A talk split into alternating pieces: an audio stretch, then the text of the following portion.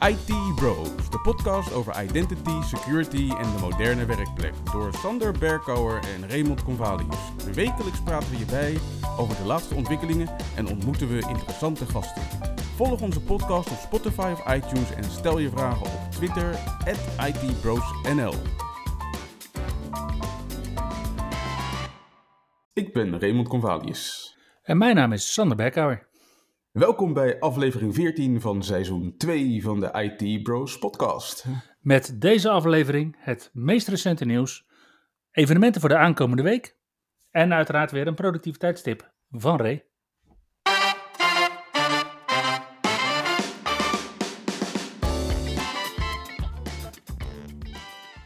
Hey Ray, een eh, nieuwe week, nieuw Windows 11 nieuws?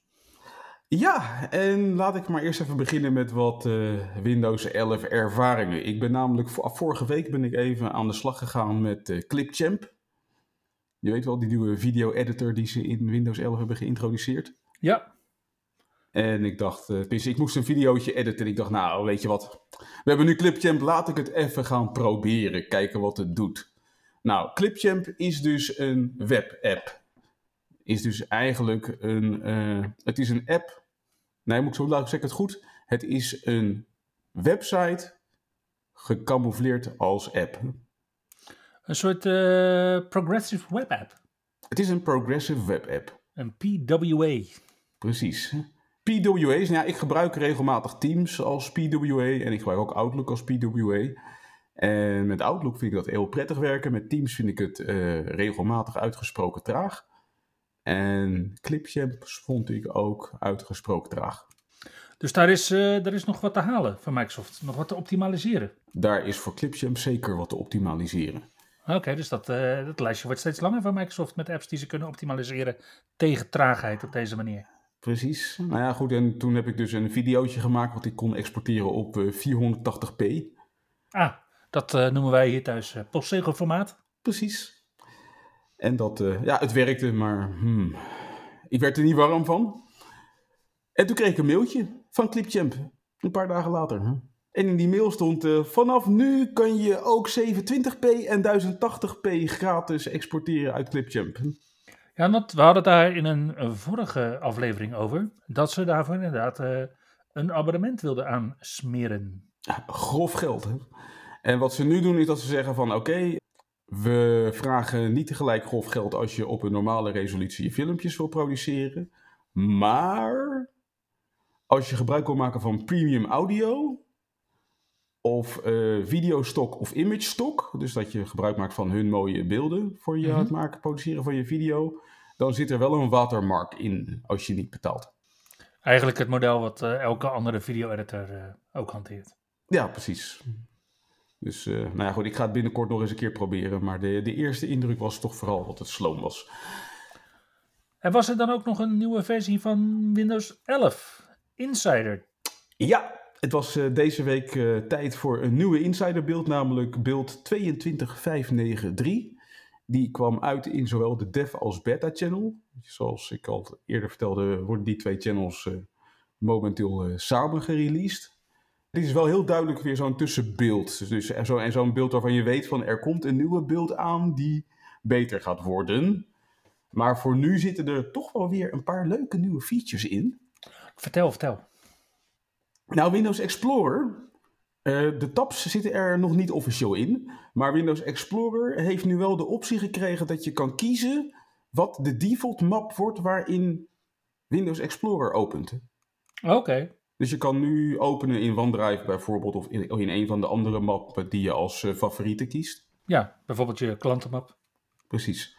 En daarbij hebben ze ook gelijk, zeg maar, die map die linksboven altijd Quick Access heette, dat heet nu Home. Oké. Okay. Dus uh, ja, klein dingetje veranderd. Nou ja, voor de rest uh, zit er ja, wat kleinere wijzigingen in. Zo bijvoorbeeld als je Windows X gebruikt, dan zag je in het verleden altijd de command prompt. Dat werd op een gegeven moment PowerShell. Mhm. En tegenwoordig zie je Windows Terminal als Windows Terminal is geïnstalleerd. En als Windows Terminal niet is geïnstalleerd, wordt het PowerShell. Nou, dan blijft het PowerShell. Maar het in Windows 10 ook al was. Ja. Precies. En wat ik op zich wel een hele leuke vind, is dat als jij... Nu kan je dus zeg maar in Windows Explorer kan je ook je files pinnen. Hè? Dus als je bepaalde bestanden hebt die je vaak opent, dan kan je zeggen Mhm. van zet ze vast in, eh, in Windows Explorer. En als dat files zijn die elders staan, dus die offline gecached zijn ergens vandaan, dan worden die meegenomen in de search index. Oké, dat is wel cool. Ja, dat, dat werkt. Ja, dat is een hele leuke nieuwe feature. Nou ja, voor de rest is Microsoft nu bezig gegaan met Microsoft Journal. Journal is zo'n app die hebben ze ooit bedacht vanuit een garage, weet je wel, dat eh, Mhm. platform waar ze hun experimentele applicaties ontwikkelen. En Journal is daar uitgekomen als nu een officiële applicatie om je aantekeningen mee te maken met een pen. Ah, En die wordt nu onderdeel van het penmenu. Dus als je een tablet hebt en je gaat volgens mij boven je taakballen hangen ergens in de buurt van je klok, dan zie je zo'n penmenu verschijnen. En daar verschijnt nu standaard de journal in sinds de laatste insider preview build. en heeft dat te maken met al die wijzigingen die ze ook de afgelopen tijd met OneNote natuurlijk hebben gemaakt? Durf ik niet te zeggen. Dus ze zeggen wel heel duidelijk van ja, als je iets wilt doen met annotaties met PDF bijvoorbeeld, Mhm. dan is journal the place to go. Oké, daar zou ik OneNote ook niet inderdaad voor gebruiken. Nee, precies. Nou, voor de rest eh, nog wat kleinere wijzigingen. Je hebt nu Windows Z als een nieuwe toetscombinatie. En als je Windows Z doet, dan verschijnt zeg maar op de plek waar je de verschillende layouts, je, je snap layouts kan kiezen, moet ik zeggen. Mhm. Daar verschijnen nu nummertjes bij al die verschillende snap layouts, zodat je kan kiezen voor een nummertje op je toetsenbord om een layout eh, te selecteren. Zodat als jij met een eh, witte geschilderde Z op je hardware zit, dat je dan eh, kiezen in welke greppel dat terechtkomt. Precies. Alright. Nou, en dan zit er nog een nieuwe security feature in, maar daar gaan we het zo meteen nog over hebben, namelijk memory integrity. Mhm. En voor de rest een heleboel fixes. Eén fix waar ik zelf trouwens ook last van had, was dat zo af en toe je clipboard history niet werkte. Oh, Nou, die hebben ze gefixt. een tijdje geleden hadden ze ook gefixt dat daadwerkelijk het kopiëren, dat dat wel eens mislukte. Toch? Ja, klopt. Dat hebben ze ook eh, gefixt. Ja, Ja. daar hadden ook eh, Ja.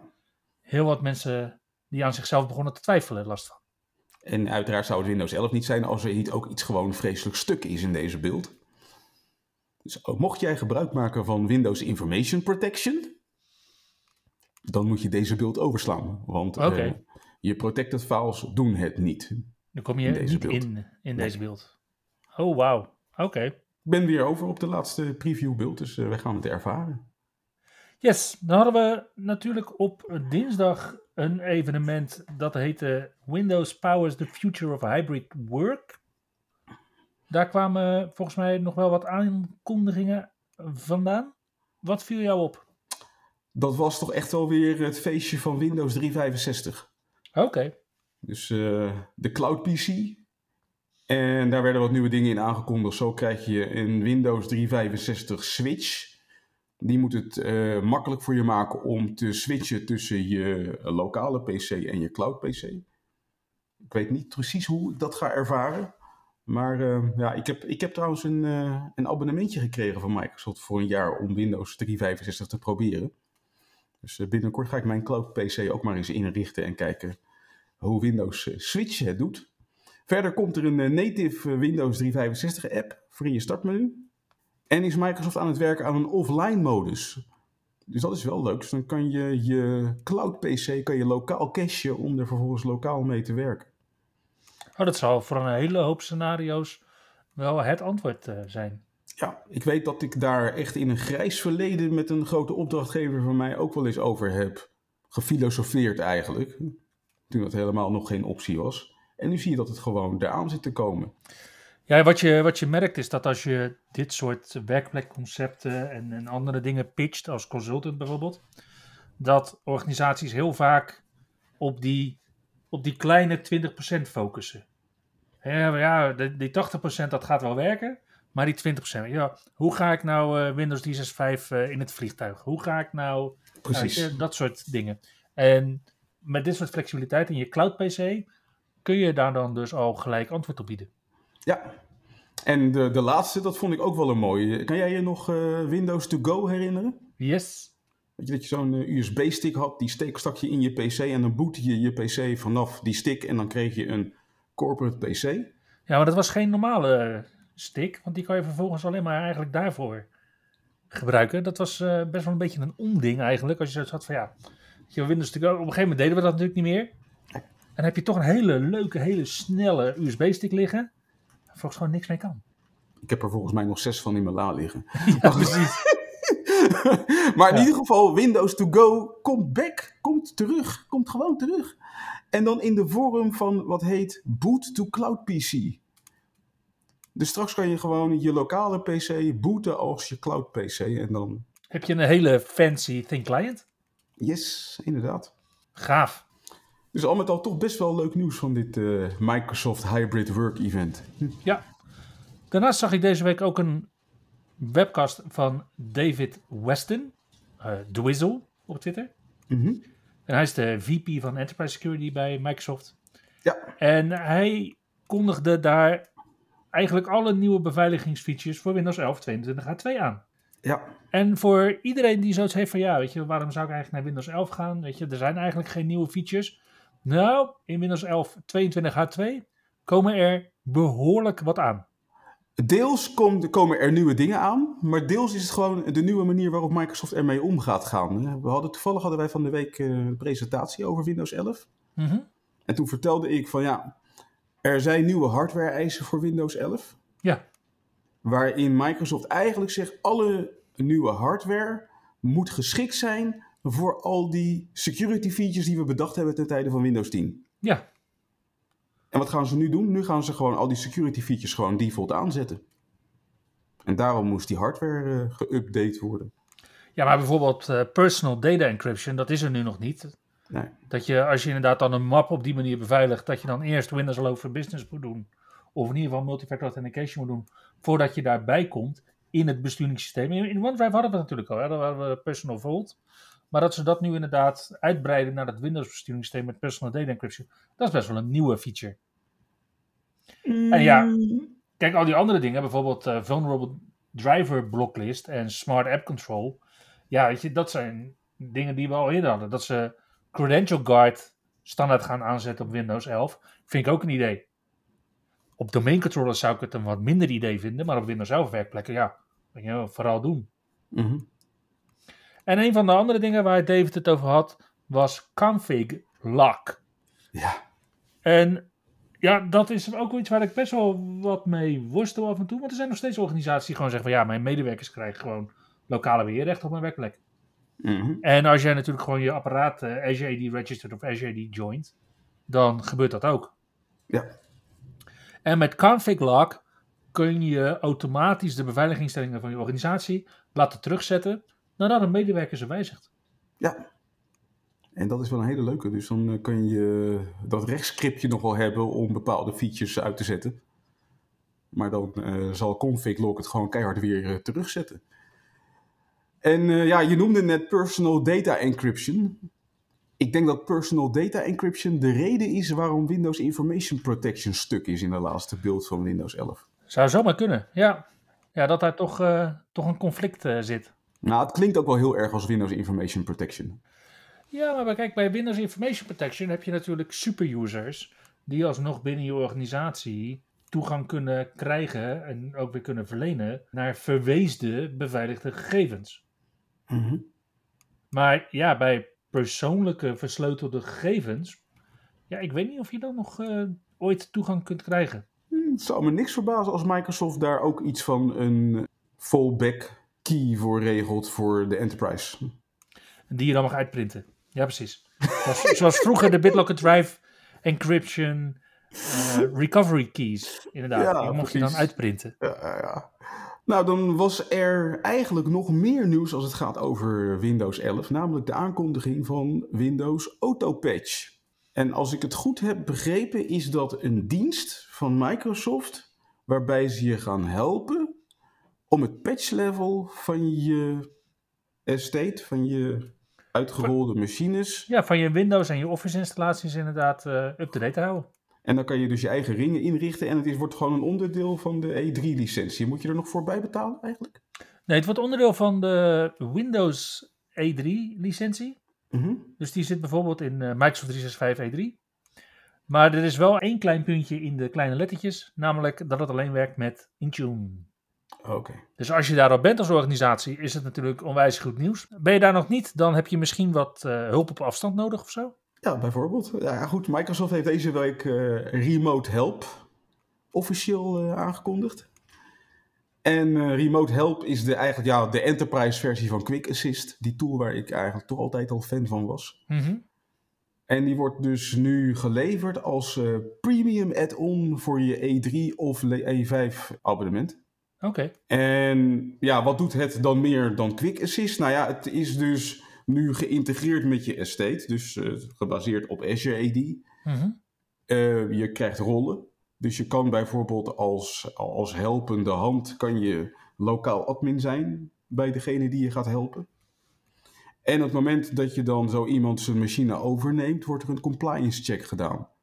Dus dan weet je ook of het wel veilig is om bijvoorbeeld elevated privileges los te laten op die machine die je nu denkt te gaan helpen. Ja, dat eh, niet ineens je gecachte hash ineens eh, wordt meegekaapt. Ja. En wat, eh, wat kost dat zoiets dan?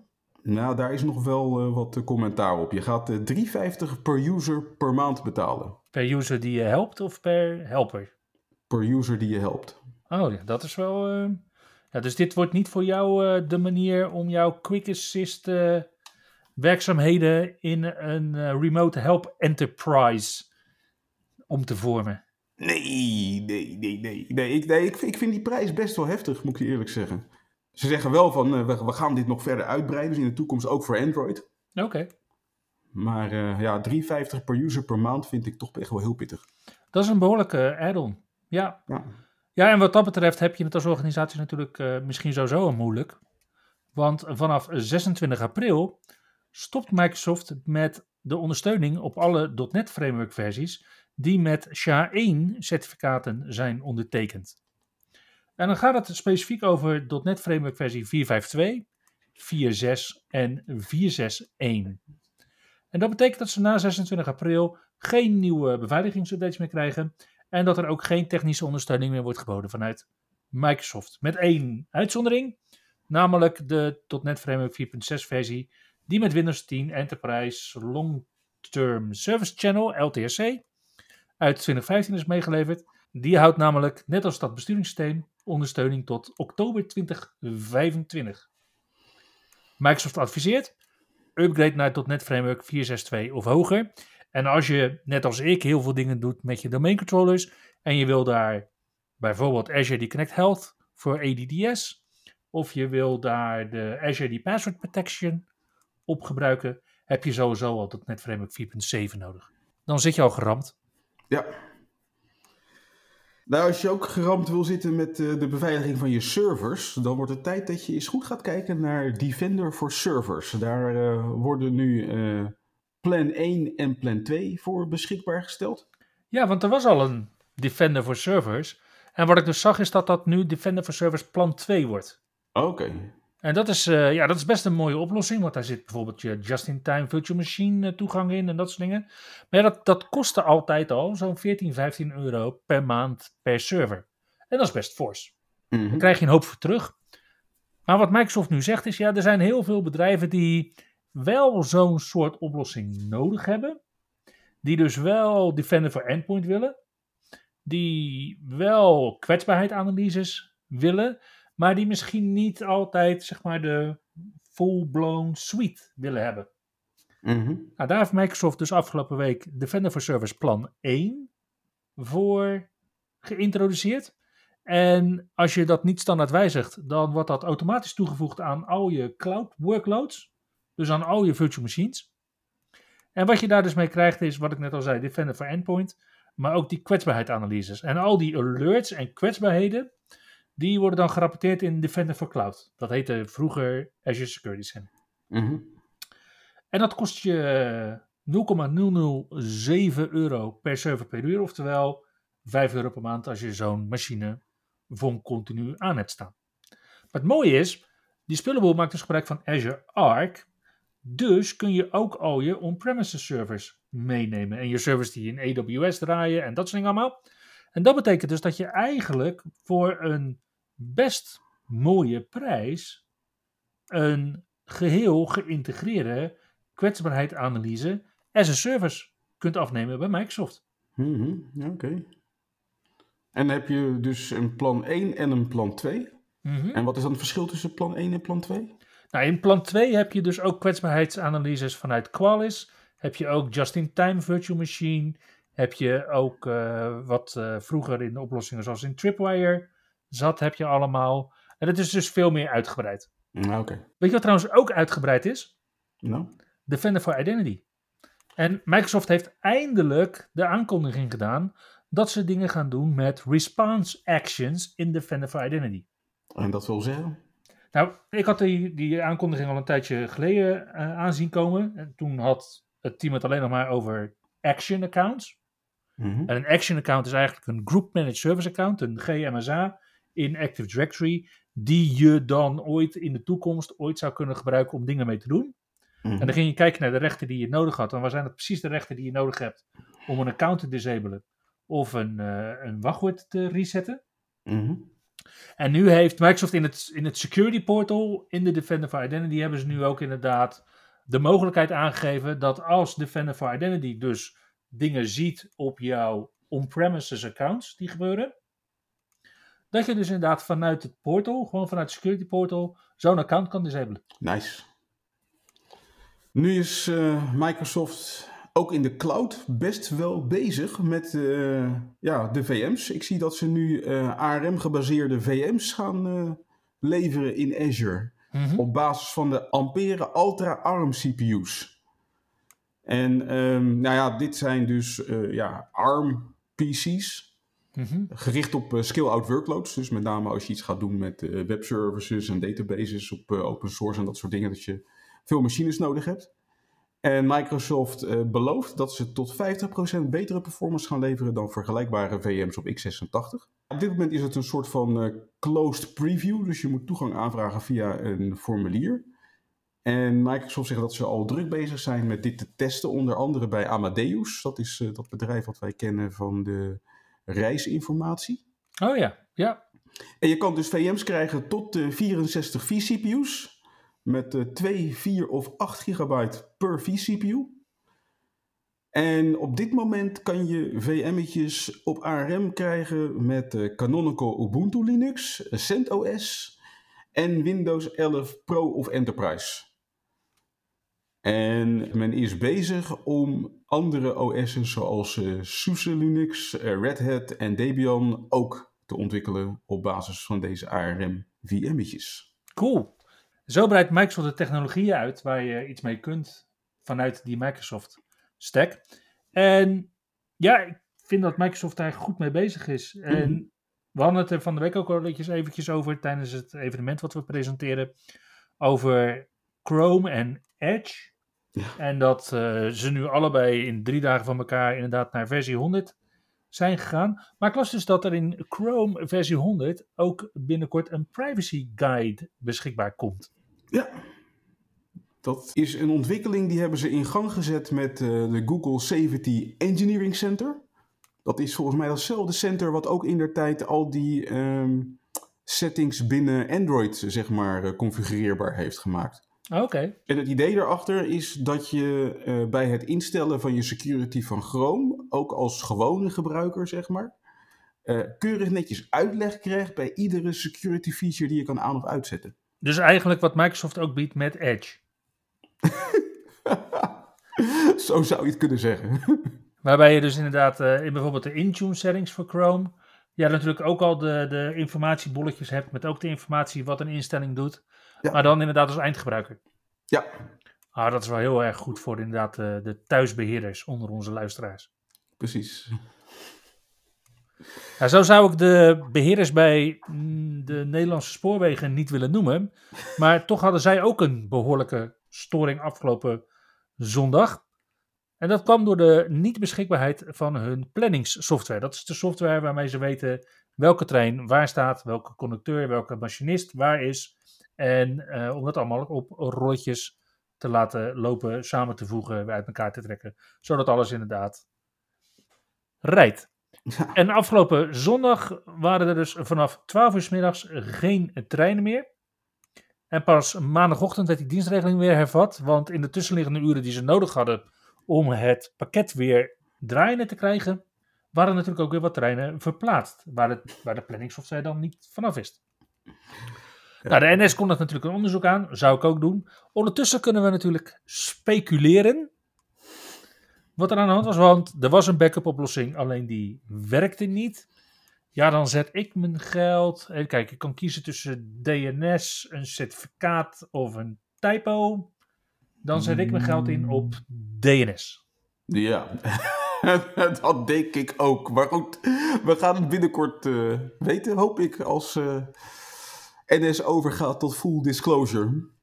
Ja, wat we ook binnenkort gaan weten is of we slachtoffers zijn geworden van de ransomware aanval door Conti op de sourcing company en acht van haar klanten, namelijk woningcorporaties in Roosendaal, Bloemendaal, Breda, Vlissingen, Dordrecht, Krimpenwaard, Wageningen en Den Bosch. En zoals het er nu uitziet, zijn daar eh, namen, adressen, geboortedata, BSN-nummers en bankrekeningnummers gestolen Mhm. van, nou, zoals het er nu uitziet, een klein groepje huurders. Klein groepje? Ja, niet allemaal. Want bijvoorbeeld eh Trivieren in Dordrecht die heeft al aangegeven van, eh, dat er bij hun niets gelekt is. En hoe weten ze dat dan? Nou, omdat die informatie dus nu op het dark web gelekt is, onder andere, en omdat zij wel logging op orde hadden. Ah, oké. Nou, die woningcorporaties die hebben het losgeld niet betaald, dus Conti die heeft die gegevens nu beschikbaar gesteld op het dark web. En ja, dan weet je in ieder geval wat er gelekt is. Daar kan je dan al iets eh, mee. Datalek was natuurlijk al gemeld bij de autoriteit persoonsgegevens, maar daar is de kous niet mee af. Want de systemen van die woningcorporaties zijn gewoon nog steeds niet beschikbaar. Oei. Ze zijn ook niet bereikbaar via e-mail. Contact op de website werkt bijvoorbeeld niet. En telefonisch ook beperkt bereikbaar. Zo, dus die hebben nog wel even een uitdaging de komende tijd. Ja, nog wel. Nog wel de, sourcing company zal daar inderdaad nog wel wat, eh, wat werk eh, moeten verzetten. Maar ja, goed, weet je, zelfs al heb je zo'n aanval waarbij je als leverancier of via je leverancier dan natuurlijk wordt gehackt, dan vrijwaart je dat niet als het je als beheerder gebeurt. Nee. Nou, dat is zo ook bij de gemeentes Emmen, Koevoorde en Burger Odoorn. Zit allemaal in die, eh, in die hoek van het land. Mhm. Daar blijken criminelen toegang te hebben gehad tot postvakken van vier ambtenaren. En dat datalek dat vond negen maanden geleden plaats. En is toen ook al wel, is toen ook al wel gemeld bij de autoriteit persoonsgegevens. Maar is pas deze week gerapporteerd aan de gemeenteraden. Oei. En mogelijk zijn hier de gegevens van 7000 inwoners gelekt. Zo. Oké, uitdaging. Ja, en het, en het, is, het is ook jammer, want er zijn ook, denk ik, wat zwakkere mensen in de maatschappij als dat is gebeurd. Hmm. Want die gegevens van 7000 inwoners, die stonden in twee bestanden met persoonsgegevens. En die bestanden, die hadden informatie in het kader van de participatiewet en de wet maatschappelijke ondersteuning. Tja. Jammer hoor. Ja, dus daar zou ook nog wel eens wat eh, bijzondere persoonsgegevens eh, in kunnen zijn gelekt.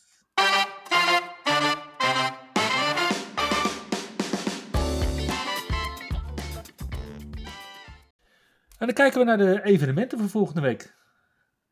Ja, het is relatief rustig komende week. Maar uiteraard gaan we dinsdag weer van start met de Spring 2022 Security Webinars van Microsoft. Met eh, op dinsdag een sessie over Azure Confidential VM's. When the power of the public cloud meets the confidentiality of your private data center. En deze sessie is van 5 tot 6 uur 's middags. En op 14 april zien we ook een webinar in diezelfde reeks. En dat gaat dan over Protecting Multi-Cloud Environments, dus ook AWS en GCP, met Defender for Cloud.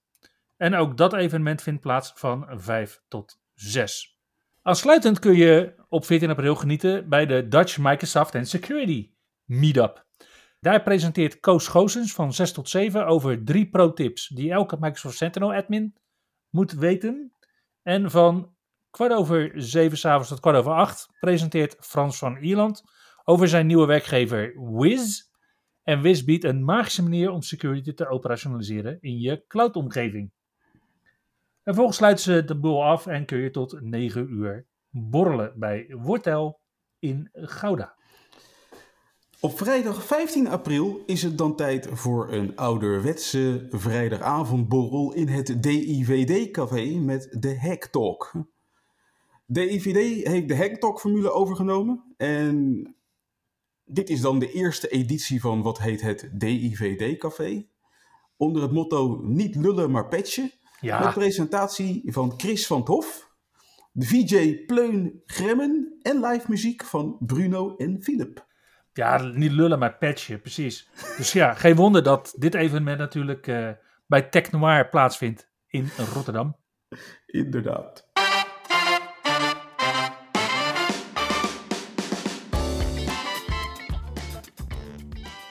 Hey Ray, welke productiviteitstip heb je voor ons deze week? Deze week wil ik het hebben over een nieuwe toetscombinatie die is geïntroduceerd met beeld 22504 alweer uit november. Maar die is dus nu alleen nog beschikbaar voor de mensen met een insider preview beeld in de dev of beta channel. En ik heb het over de toetscombinatie Windows Alt K. En met Windows Alt K kan je je microfoon muten en unmuten in Teams. Oké. Dus dit is de derde toetscombinatie om te muten en unmuten in Teams. Ja, alleen ik had eigenlijk verwacht dat deze toetscombinatie het zou gaan doen in iedere applicatie die gebruik maakt van je microfoon, maar dat lijkt in de praktijk nog niet zo te zijn. Hmm. Dus dat is nog een work in progress. Dat gevoel heb ik wel een beetje. Daar ga ik binnenkort eens even wat vragen aanstellen aan uh, Jen MSFT op Twitter. Daarmee is ook deze aflevering in ons Work in Progress seizoen 2 van de IT Bros podcast tot een einde gekomen. Dankjewel voor het luisteren en tot de volgende keer. Tot de volgende keer. Je luisterde naar IT Bros, de wekelijkse podcast over identity, security en de moderne werkplek. Abonneer je op Spotify, iTunes of Google Podcast als je de volgende aflevering niet wilt missen. Heb je hints of tips? Laat dan van je horen op Twitter. @itbrosnl